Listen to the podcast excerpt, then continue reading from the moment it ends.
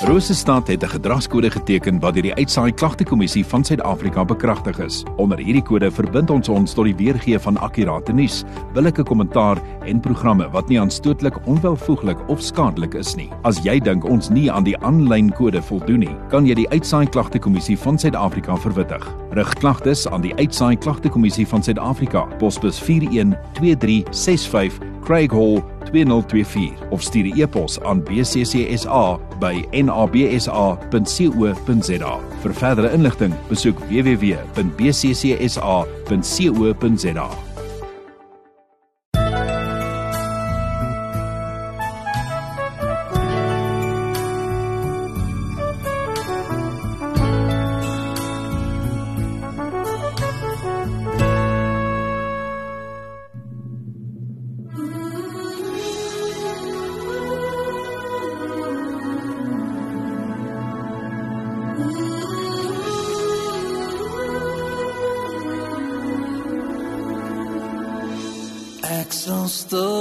staan by die kruis. Ek sal u dan hom bewys. Ek sal nadink oor die rede wat hy vir my bring. Ek sal stil staan by die kruis. Ek sal u dan hom bewys. Want my Jesus het sy als vir my gegee.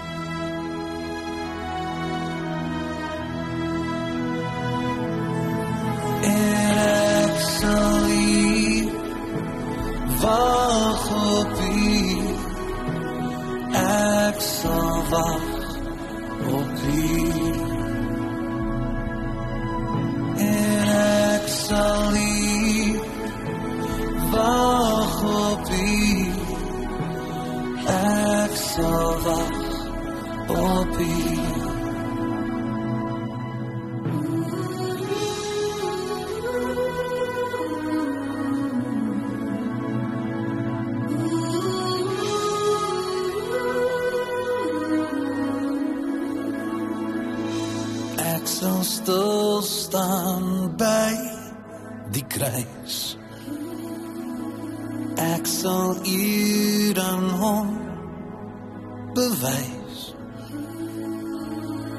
Ek sal nadink oor die rede wat hy vir my bring. En ek sal hier wag op u. Ek sal wag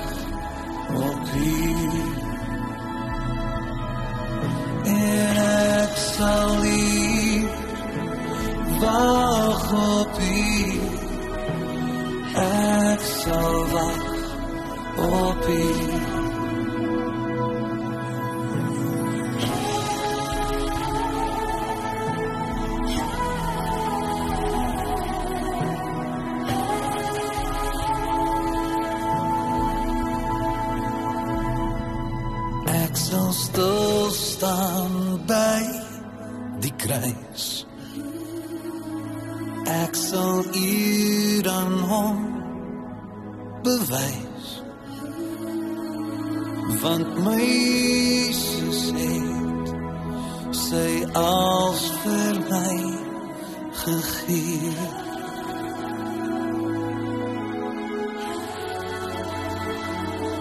want my Jesus het sy als vir my gegee.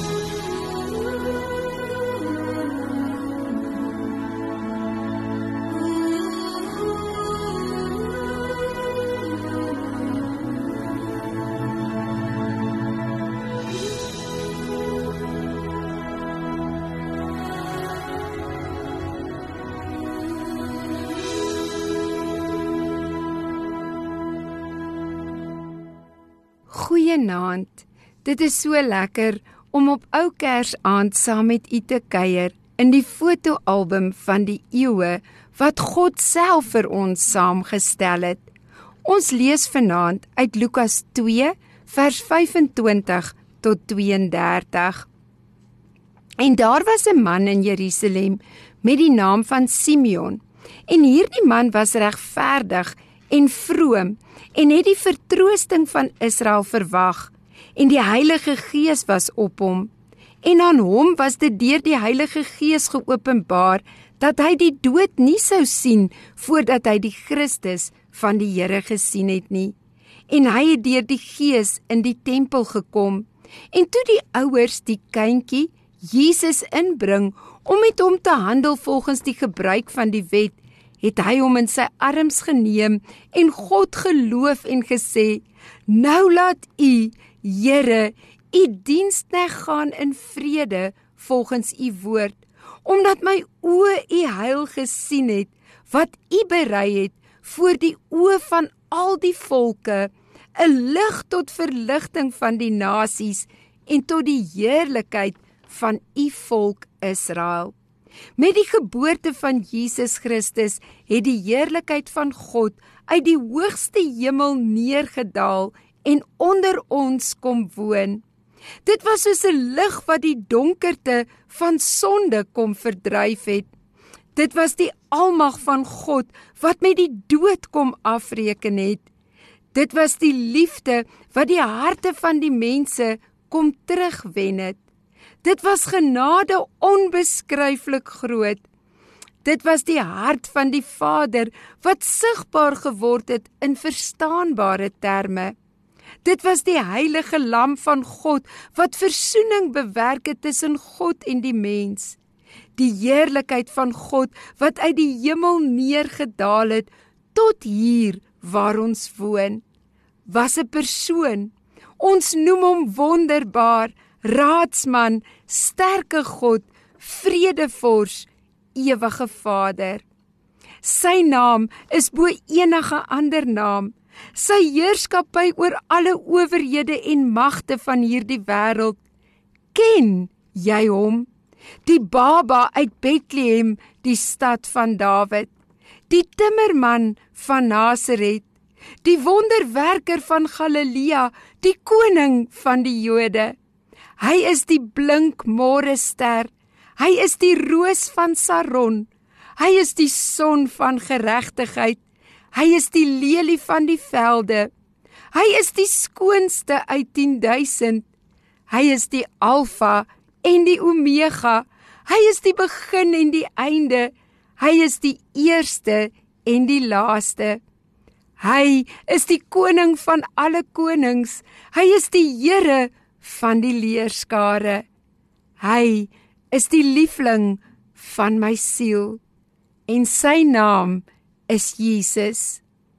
Om hierdie heerlikheid te beskryf is geen geringe saak nie. Net so is die Hebreëse woord vir heerlikheid baie moeilik om te vertaal. Dit het die betekenis dat die gewigtigheid van die Here oor die hele aarde is iets wat ons nie altyd moet beskryf nie, maar moet uitroep en bely en persoonlik moet beleef. Die Heilige Gees het deur die profeet Jesaja gesê: "Bring die goeie nuus. Iemand sal kom wat uitroep: Maak vir die Here 'n pad in die woestyn." Na hierdie man se kom, sê Jesaja, sal die heerlikheid van die Here geopenbaar word. U kan dit lees in Jesaja 40 vers 3 tot 5. 800 jaar later was 'n man met die naam van Johannes die Doper hierdie stem wat roep in die woestyn, soos verhaal word in Matteus 3 vers 1.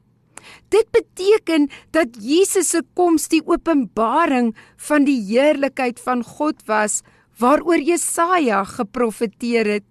Jesus Christus is die openbarmaking van God se heerlikheid hier op die aarde. Maar wat presies bedoel ons met die heerlikheid van God? Dit is die manier waarop God se wese manifesteer na die mense kant toe. Die heerlikheid van God verwys na 'n aangename toestand van volmaaktheid. Volmaaktheid en heerlikheid is een met die Here, soos wat helderheid een is met die son en natheid een is met water en hitte een is met vuur. Met ander woorde, enige plek waar God homself openbaar, sal sy heerlikheid sigbaar word, soos byvoorbeeld in die ganse skepping. Alles wat bestaan, is 'n resultaat van sy persoon en sy natuur. Die kleinste blommetjie en goggatjie getuig van die almag van die Here. Die bome van die veld klap hande oor sy grootheid. Die sterre hemel weerkaats die glorie van ons God. Die hele skepping verkondig die onvergelykbare, onverstaanbare majesteit van ons God en Vader. En tog het die Here ook van tyd tot tyd dwars deur die Ou Testament in sy verhouding met sy mense iets meer van sy heerlikheid geopenbaar. Dit word genoem Shekinah, 'n sigbare manifestasie van sy heerlikheid. Adam het iets daarvan beleef voor die sondeval in die tuin wanneer die Here met hom gewandel het. Jare later wou Moses meer van die Here se heerlikheid sien as wat in die skepping sigbaar is. Hy bid in Eksodus 33 vers 18: Here, wys vir my u heerlikheid. Die Here antwoord hom egter: Indien jy dit moet sien, sal jy sterf. Maar ek sal jou in 'n rotsskeer wegsteek en jou toemaak sodat jy my heerlikheid net in die verbygaan kan sien. In Eksodus 16 lees ons dat Toe die Here aanvanklik die volk met die manna gevoed het, het hulle ook iets van sy Shekinah heerlikheid gesien. Volgens Eksodus 24 vers 17 het God se heerlikheid die hele berg Sinaï gevul in die vorm van 'n gloeiende vuur. En in Eksodus 40 staan daar dat die heerlikheid van die Here die tabernakel gevul het. Die heerlikheid van die Here was ook fisies sigbaar bo die allerheiligste van die tabernakel in die vorm van 'n wolk wat op een plek gehang het. Volgens Levitikus 9 het sy heerlikheid ook spesiaal gemanifesteer toe die Levitiese priesters die eerste keer in sy diens aangestel is. Uiteindelik, nadat Salomo se tempel voltooi is, het die heerlikheid van die hemel die plek so gevul dat die volk op die grond neergeval het en God aanbid het. Jy sien, die enigste ware lewende God openbaar nie net sy heerlikheid in die skepping nie, maar ook op spesiale maniere in die onuitspreeklike Shekinah verskynings. En tog was dit elke keer steeds nog 'n onverstaanbare, onverklaarbare, ondeurgrondelike, onpylbare misterie. Aan die een kant was die Shekinah 'n ware openbaring van die heerlikheid van die Here, maar aan die ander kant was die Here se heerlikheid steeds vir sy volk 'n geslote boek. En tog sê Habakuk, sal daar 'n dag kom wanneer die aarde gevul sal word met die kennis van die heerlikheid van die Here, soos wat water die seebodem toedek. Dan sal daar nie meer so 'n beperking wees op die mense se kennis van die heerlikheid van God nie. Dis wat Jesaja 40 vers 5 ook beloof, die heerlikheid van die Here sal sy eie woorde van God aan sy Ou Testamentiese profete in vervulling laat gaan. 'n Voller openbaring sal plaasvind. Selfs God se eie woorde aan sy Ou Testamentiese profete was nog nie hierdie volledige ontsluiting van die heerlikheid van die Here nie. Die skepping was dit nie. Die Shekinah verskynings was dit nie. Die woorde van die profete was dit nie. Daniël moes byvoorbeeld van die Here hoor dat hy self nooit die presiese inhoud van sy eie profeseë sal verstaan nie. Dit bly vir sy eie oë verborge.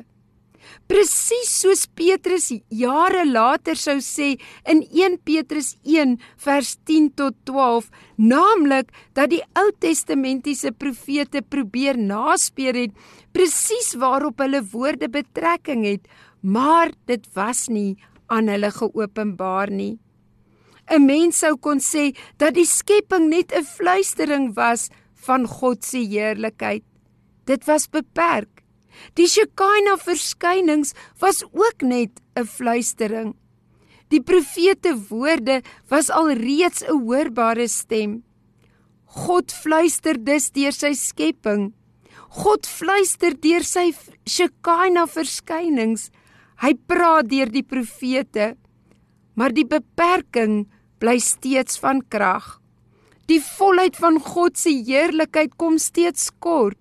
Wanneer sal die Here dan hard uitroep en nie net fluister of saggies praat nie? En toe gebeur dit. Hebreërs 1 vers 1 verwoord dit so kragtig. In die verlede het God baie keer en op baie maniere met ons voorvaders gepraat deur die profete. Maar nou, in hierdie laaste dae, het hy met ons gepraat deur die Seun. Uit hom straal die heerlikheid van God en hy is die ewe beeld van die wese van God. Hy is verhewe bo die engele en sy naam voortreffliker as hulle naam. In die koms van Jesus, Jesus fluister of praat God nie meer nie. Hy roep, hy roep finaal. Hy bly nie meer stil nie. Hy is nie meer onsigbaar nie. Hy openbaar nie meer homself net gedeeltelik nie. Hy verberg nie meer homself agter sy skepping, sy Shekinah verskynings, sy simboliese profete woorde nie. Nee, hy ontsluit homself ten volle in en deur sy geliefde seun, ons Here Jesus Christus. In hom sien en verstaan ek en jy alles van die lewende God soveel so dat Paulus in 2 Korintiërs 1 vers 20 sê dat al God se beloftes in Jesus Christus ja en amen is tot die heerlikheid van God. Alles van God se heerlikheid is ja en amen in Jesus Christus ons Here. Hy is bo alles en almal. Hy is die seun Hy is veel groter as 'n profeet, groter as al die profete. Hy is groter as die engele, groter as die priesters, groter as Moses, groter as Aaron. Hy is die seun. Uit hom straal die heerlikheid van God. Hy is die onuitspreeklike weerkaatsing van God. Sy lig en helderheid Daarom sê Johannes in Johannes 1 vers 4: Die woord het mens geword en onder ons gewoon en ons het sy heerlikheid aanskou. 'n Heerlikheid soos van die enige geborene wat van die Vader kom, vol van genade en waarheid. Ken jy hierdie Jesus, die seun van die lewende God? Moenie nog 'n geleentheid laat verbygaan nie. Luister na sy stem. Gee ag op sy uitnodiging. Kom na my toe, almal wat vermoeid en belas is, en ek sal julle rus gee. Neem my juk op julle en leer van my, want ek is sagmoedig en nederig van hart, en julle sal rus vind vir julle siele. Want my juk is sag en my las is lig.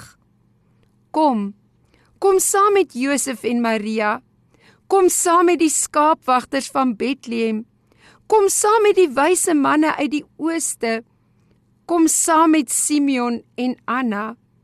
En voeg jou hart en stem by die engele koor wat sing: eer aan God in die hoogste hemele en vrede op aarde in die mens 'n welbehae. Want vir ons is daar in die stad van Dawid gebore die saligmaker wat Jesus Christus die Here is. Aan hom, die koning van die eeue, die onverderflike, onsigbare, alleenwyse God, kom toe die eer en heerlikheid tot in alle ewigheid. Kom ons buig dan in aanbidding voor Jesus Christus, die Here. Abba Vader, op hierdie ou Kersaand kies ons om weer te kom kniel voor die krib. Ons wil ons harte en gedagtes heel ons wese voeg by die engele koor wat sing bring aan God al die eer want die werke wat u doen is veel groter as wat ons ooit kan dink of besef Abba Vader die werk wat u vir ons gedoen het het vir ons met ons klei voete en ons sondige natuur die ewige lig laat opgaan. Jesus wat as lam geoffer is op daardie altaar op Golgotha, het ons straf gedra, ons skuld betaal en nou kan ons as oorwinnaars u heerlikheid betree. Abba Vader, ons buig vanaand in nederige aanbidding. Ons het nie goud of wierook of mirre om te offer aan u voet, maar ons bring ons lewe en ons harte sodat u as koning kan regeer in ons hele lewe. Kom vul ons met u heerlikheid. Kom gee vir ons krag deur u gees is ons gebed in Jesus naam. Amen en amen.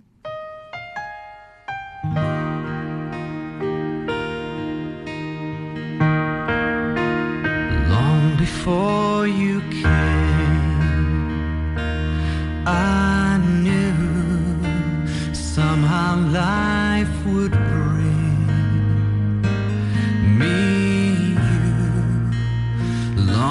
Long before you